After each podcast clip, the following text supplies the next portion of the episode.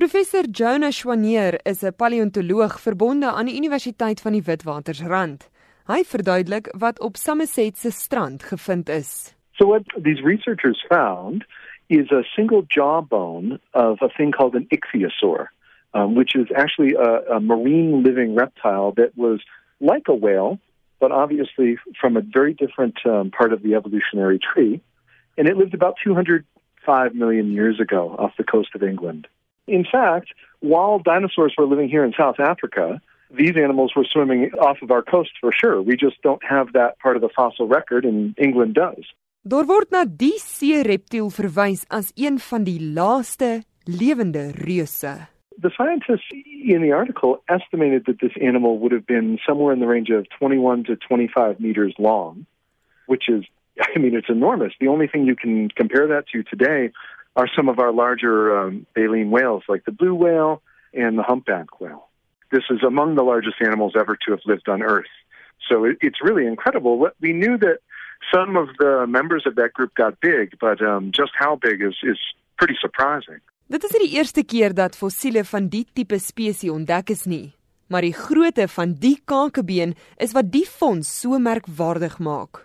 Scientists weren't quite sure what species this is, but they knew it belonged to a, a particular group called the Shastasaurids, which are, are big animals. And they're cool because they've been found all over the place. There's some fossils in Germany. There's actually fossils in the foothills of the Himalaya that used to be underwater.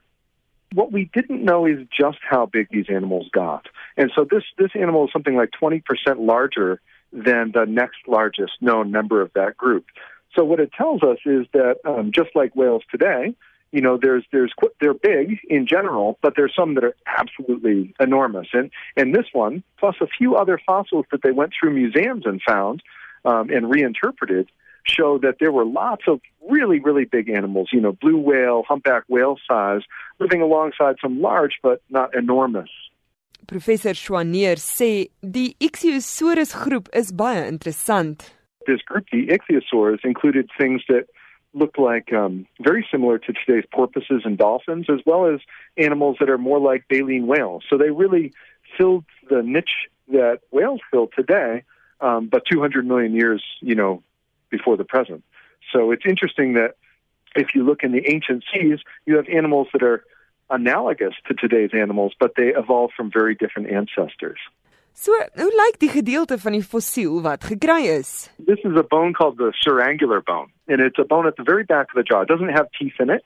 All the teeth are in bones that are in front of this bone. And if if you want to imagine this bone, it looks like a uh, giant, old school sort of Shakespearean pipe um, a very long thing with a, a right angle bend with a sort of a hook like feature at the end. You know, a better analogy might be a field hockey stick. Um, scale that up by about almost double, and there you have it. En hoe lyk die dier aan wie die reuse kakebeen eens behoort het? It would have looked very much like um, a giant porpoise um, with a shorter nose, um, but a very, very big eye, sort of a fish-like animal. Um, we know that that the spread of the fins on these things is incredible. I mean, you know, two and a half, three meter long fins on each on each arm. So it's a fish-like animal with a sort of a shark-like tail um, and a head that looks something like a porpoise.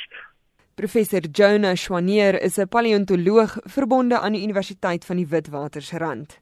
Ek is Henry Wondergem vir SAK nuus.